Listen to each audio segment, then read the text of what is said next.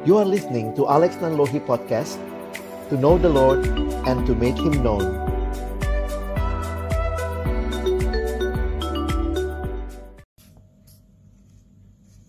Halo teman-teman Bulan April kita akan bahas tema Memprioritaskan Tuhan. Boleh tahu nggak ya kenapa dek kita coba ngangkat topik ini?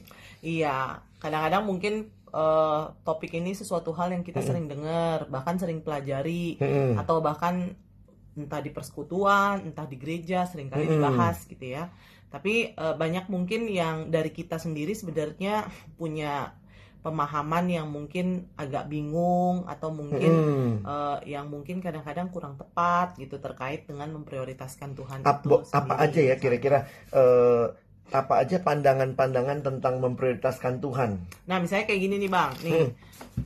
kalau ngelihat dari sini kan ya. banyak orang yang mungkin berpikir oh memprioritaskan Tuhan tuh berarti hmm. menjadikan Tuhan nomor satu benar hmm. sih tapi kadang-kadang akhirnya jatuhnya tuh ke uh, mengurutkan prioritas gitu. Jadi, Jadi kayak, kayak Tuhan nomor satu, satu nomor duanya keluarga, keluarga gitu ya. nomor tiganya teman. Sehingga kalau misalnya nanti ada clash antara keluarga dan mungkin juga mm -mm. Tuhan, misalnya nggak bukan Tuhan sih ya, misalnya kayak hal-hal yang terkait dengan pelayanan kah, gereja kah, gitu kan yang selalu direlasikan dengan Tuhan.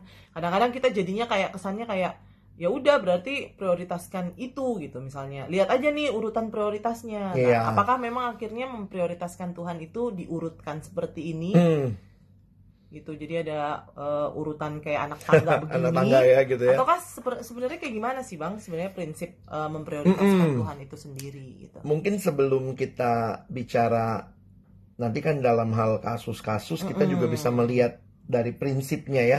Tapi aku ingin share juga nih Mm-mm. waktu baca satu buku Mm-mm. itu kebuka juga tuh Mm-mm. prinsip yang lebih utuh lah gitu ya dulu juga aku sama gitu ya pikir yang pertama Tuhan yang kedua jadi akhirnya tuh kayak kalau ada benturan-benturan rasanya kalau kok nggak sejahtera milih ini atau milih itu hanya yeah, karena yeah. kita sendiri yang membuat urutan itu begitu ya nah dalam dalam satu hal yang aku baca tuh mm-hmm. uh, bukunya Kyle Idleman mm-hmm. gitu ya nah dia bilangnya begini gitu ya bahwa di dalam kehidupan itu uh, banyak hal yang sedang berlomba mm-hmm. di dalam hidup kita mm-hmm. di kayak kita perlombaan lari gitu ya dek mm-hmm. dia bilangnya begini bayangkan berbagai hal yang berharga bagi kita Yesus, mm-hmm. keluarga, pacar, sahabat, pelayanan, studi dan pekerjaan sedang ada di garis start lomba lari untuk merebut tahta hati kita. Mm. Jadi kayak yang mana yang nomor satu iya. gitu ya? Nah, yang menarik Kyle Adelman menyatakan kalimat ini nih. Yesus tidak mau menjadi juara satu dalam hmm. lomba, tersebut. Loh, kalau dia nggak mau jadi juara satu, lalu Yesus mau yang gimana nih? Nah, kalimat yang menarik dia katakan begini. Yesus mau hanya dia satu-satunya pelari dalam perlombaan hmm. itu. Jadi tidak boleh ada persaingan antara relasi kita dengannya dengan relasi dengan yang, yang lainnya. lainnya. Jadi okay, okay. waktu baca itu malah lebih kaget lagi nih. Mm-hmm. Lalu gimana penerapannya begitu ya? Jadi dia nyimpulinnya begini nih. Ini ada fotonya Carl Adelman gitu ya. ini fotonya nih ya. Jadi Yesus tidak mau menjadi nomor satu dalam hidup, hidup kita. kita. Yesus mau jadi satu-satunya dalam kehidupan kita. Nah, dengan demikian waktu aku coba pelajari konsep ini jadi terbuka juga untuk melihat uh, pola yang lain atau pola yang lebih utuh itu yang tadi aku bilang ya bahwa harusnya memang yang paling utama prioritas utama itu Tuhan. Tuhan. Jadi gambarnya mungkin bukan seperti anak tangga, anak tangga ya? begini gitu ya, tapi ngelihatnya lebih kepada sebuah lingkaran yang konsentrasi utamanya itu ada kepada Tuhan. Tuhan. Jadi bagaimana memuliakan Tuhan dalam segenap aspek hidup kita di dalam keluarga. Mm. Yang harus kita tanya apakah apa kita sudah memprioritaskan Tuhan di dalam yeah, keluarga. keluarga kita. Waktu bicara karir kita, Apakah kita sudah memprioritaskan Tuhan di dalam karir, karir kita? Waktu kita bicara apalagi tuh? Persahabatan. Persahabatan. Okay. Apakah Tuhan sudah menjadi yang paling utama? Studi. Studi yeah. gitu ya. Dan apa artinya menjadi yang paling utama? Berarti benar-benar semua itu terarah untuk kemuliaan Tuhan. Dan berarti di dalamnya prinsip-prinsipnya, kebenarannya, rulesnya. Jadi kadang-kadang orang bilang memprioritaskan Tuhan, tapi sebenarnya dia nggak taat sama firman Tuhan. Hmm. Nah padahal itulah hal yang Tuhan berikan. Sehingga gambarnya nih bisa kira-kira kayak gini nih teman-teman ya. Jadi menjadi bagian di mana pusatnya adalah Tuhan dan segala-galanya bagi kemuliaan Tuhan sehingga kita bisa melihat seluruh aspek hidup kita harusnya untuk Tuhan. Untuk Tuhan. Jadi itu yang namanya Tuhan nggak jadi nomor satu. Mm -hmm. memang dia bukan nomor satu, dia mau jadi, jadi satu-satunya, satu segala-galanya gitu ya. gitu ya. Mm -hmm. Jadi saya pikir mungkin dari uh, prinsip ini, yuk teman-teman kita bergumul sama-sama nih. Mm -hmm. Bagaimana dalam pekerjaan, dalam studi, penggunaan uang. Penggunaan uang. Nah bulan ini kita coba masuk ke masuk nanti nantikan mungkin uh, yang berikutnya terkait dengan aplikasi memprioritaskan Tuhan dalam kehidupan. Iya, ini konsepnya ya. dulu gitu Jadi ya. Kita memberikan konsep, prinsip gitu ya. Nanti dalam uh, yang berikut-berikutnya teman-teman kita akan melihat bagaimana memprioritaskan Tuhan dalam konteks hidup atau aplikasi hidup ya. sehari-hari. Oke, gitu dulu teman-teman. Sampai jumpa. Bye. Halo teman-teman. Kita kembali dalam bulan ini sedang membahas tentang memprioritaskan Tuhan. Tapi kayaknya masih bicara konsep dulu nih, Dek ya. Karena tentu kalau kasus akan banyak hal yang iya. kalau orang nanya kasusnya kalau gini gimana kalau gini Aplikasi gimana dalam kehidupan dalam gitu ya. kehidupan ya. ya nah coba kita dalemin lagi nih hmm. apa yang kira-kira mungkin muncul jadi pertanyaan tentang memprioritaskan Tuhan.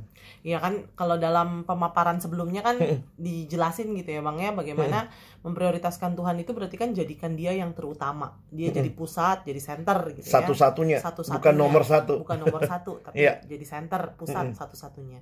Nah, tapi kan kadang-kadang dalam kehidupan kita itu kadang-kadang gitu ya yang menjadi pusat yang menjadi center itu kan kadang-kadang sering kali bukan Tuhan kadang-kadang Tuhan punya saingan lah saingan bukannya Tuhan, ya? jadi satu-satunya hmm. tapi mungkin akhirnya ada saingannya gitu ya okay. mungkin saingannya ya bahkan hal-hal yang baik dalam kehidupan sebenarnya hmm. kayak misalnya keluarga itu kan hal yang baik gitu hmm. ya atau misalnya uh, pekerjaan pun sebenarnya dari Tuhan itu hal yang baik gitu ya iya.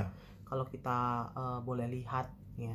Nah jadi sebenarnya tuh kayak gimana nih bang? Oke. Okay. Menanggapi akan hal-hal yang semacam kita kita kita tariknya dari awal dulu ya. Okay. Dari awal penciptaan. Nah kita perlu mengerti uh. bahwa pertama-tama Alkitab uh -uh. menyatakan manusia adalah ciptaan Tuhan. Tuhan.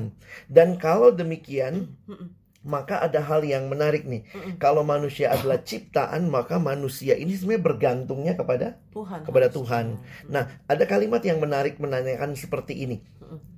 Kalau Allah menciptakan manusia, pertanyaannya Allah menciptakan manusia untuk siapa? Mm. Nah, para teolog menjawab ya Allah menciptakan manusia untuk dirinya, bagi dirinya. Karena itu, sebenarnya manusia itu adalah makhluk yang akan selalu menyembah. Karena memang manusia diciptakan istilahnya ya untuk menyembah Allah, maka pilihan kita dalam hidup itu bukan menyembah atau tidak menyembah. Mm -mm. Bukan.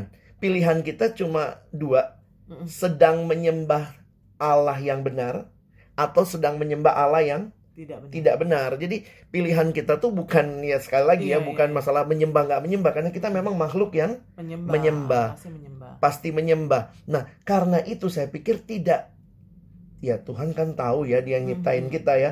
Maka perintah pertama dari Tuhan Martin Luther coba menggalinya.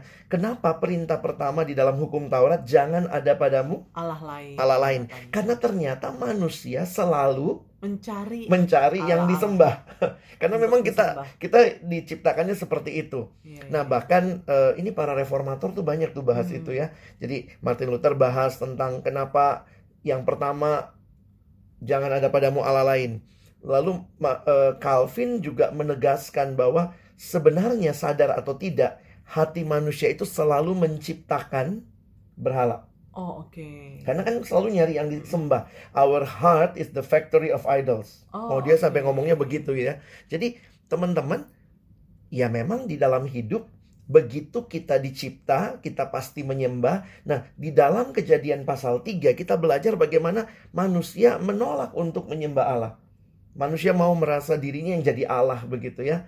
Sehingga di titik itulah kita melihat akhirnya manusia rusak relasi dengan Allah dan seterusnya dan kemudian muncullah ya itu jelas terjadi manusia mulai menyembah yang bukan Allah, menyembah dirinya sendiri, menyembah. Nah, ini yang menarik nih ya. Hal-hal yang dicipta Allah hmm, hmm. yang baik itu nah ada teorinya bilang begini nih, hal yang baik begitu jadi hal yang utama itu jadi berhala. Nah, karena dia menggantikan Tuhan. Menggantikan kan? Tuhan. Kalau dibilang mengutamakan Tuhan harusnya Tuhan yang jadi iya, utama. Tuhan yang jadi utama. Meskipun jadi, itu hal yang baik gitu ya Bang. Itu ya? hal yang baik. Apa jadi, aja misalnya contohnya? Uang. Iya. Uang kan baik ya. Tapi begitu dijadikan utama, maka itu jadi berhala. Jadi biarlah uang tetap jadi hal yang baik, mm -mm. jangan jadi hal yang, jadi utama. hal yang utama. Justru waktu kita mengutamakan Tuhan, maka kita bisa menggunakan uang dengan baik. baik. Harusnya, ya. Jadi berarti sebenarnya kalau dipikir-pikir kadang-kadang yang jadi berhala atau saingan Tuhan itu justru hal-hal yang baik yaitu iya. pemberian-pemberiannya kadang-kadang bahkan gitu ya. Makanya ada pertanyaan begini juga nih ya bahwa apa sih salah satu saingan terberatnya Tuhan? Loh, saingan terberatnya Tuhan adalah berkatnya Tuhan. Kadang-kadang kita sangat mengutamakan berkat Tuhan, kita lupa Tuhan. Tuhannya. We love the gifts. Kita suka pemberian-pemberiannya but we don't want to accept the giver. Nah sebenarnya begini loh deh. Semua berkat-berkat Tuhan itu seharusnya membawa kita untuk menyembah Tuhan. Jadi berkat Tuhan jika dengan benar kita terima, dengan benar sikap hati kita, kita nggak akan berhenti di berkatnya. Tapi kita akan menyembah. Okay. Atau kita akan memuliakan yang memberi. Tapi memang kecenderungan hati manusia yang berdosa, kita senang berkatnya, tapi kita lupa sang kita lupa sang pemberi berkat makanya kembali lagi topik bulan ini menjadi pembahasan yang sebenarnya sangat penting ya bang ya iya. bahwa memprioritaskan Tuhan itu bukan cuma sekedar bagaimana kita uh, mungkin apa namanya lebih memilih Tuhan daripada yang lain. Dari yang lain. Tapi bagaimana hmm. benar-benar Tuhan jadi yang utama gitu. Nah, itu itu masalah keterbukaan hati kita ya sama-sama kami kita juga yang iya. membahas di evaluasi, teman-teman juga belajar dan kita mengevaluasi diri. Nah, ada satu ilustrasi kali ya yang saya pakai jadi penutup. Uh, jadi ini ceritanya dalam satu buku membahas begini ya. Saya kontekstualkan mm -hmm. aja nih ke ke konteks kita. Misalnya nih kita lagi mau pergi ke taman safari misalnya mm -hmm. ya. Nah, dia cerita nih tentang sebuah keluarga mau pergi ke taman safari. Mm -hmm. Nah, di perjalanan terus mereka ketemu uh, board sign yang besar. Mm -hmm uh, papan advertisingnya Taman Safari. Di situ ada gambar gajahnya, ada hmm. gambar uh, tigernya, uh, semua gitu ya. Ada gambar hewan-hewannya dan itu ada juga gambar uh, keindahan hijaunya Taman Safari. Tapi ada pelang di bawahnya tulisannya nunjuk Taman Safari 5 km lagi.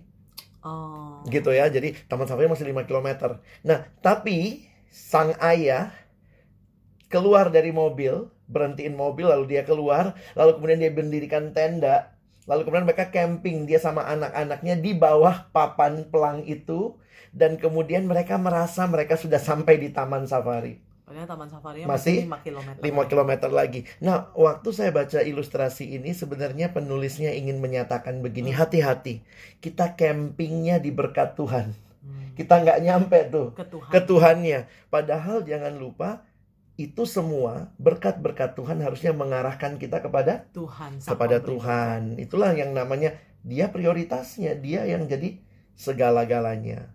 Jadi itu kiranya memberikan wawasan buat kita hati-hati dengan hal yang baik karena itu begitu kita utamakan langsung jadi, jadi berhala. berhala. Jadi okay. nanti dalam pemaparan-pemaparan berikutnya mungkin mm -mm. menjadi hal-hal yang aplikatif gitu ya. Iya. Bagaimana hal-hal yang baik itu mm -mm. tidak menjadi yang utama, tapi bagaimana Tuhan tetap menjadi yang utama dalam hal-hal yang baik tersebut. Nah, itu yang perlu kita sama-sama ingat prinsipnya. Oke, okay, gitu dulu ya teman-teman. Bye.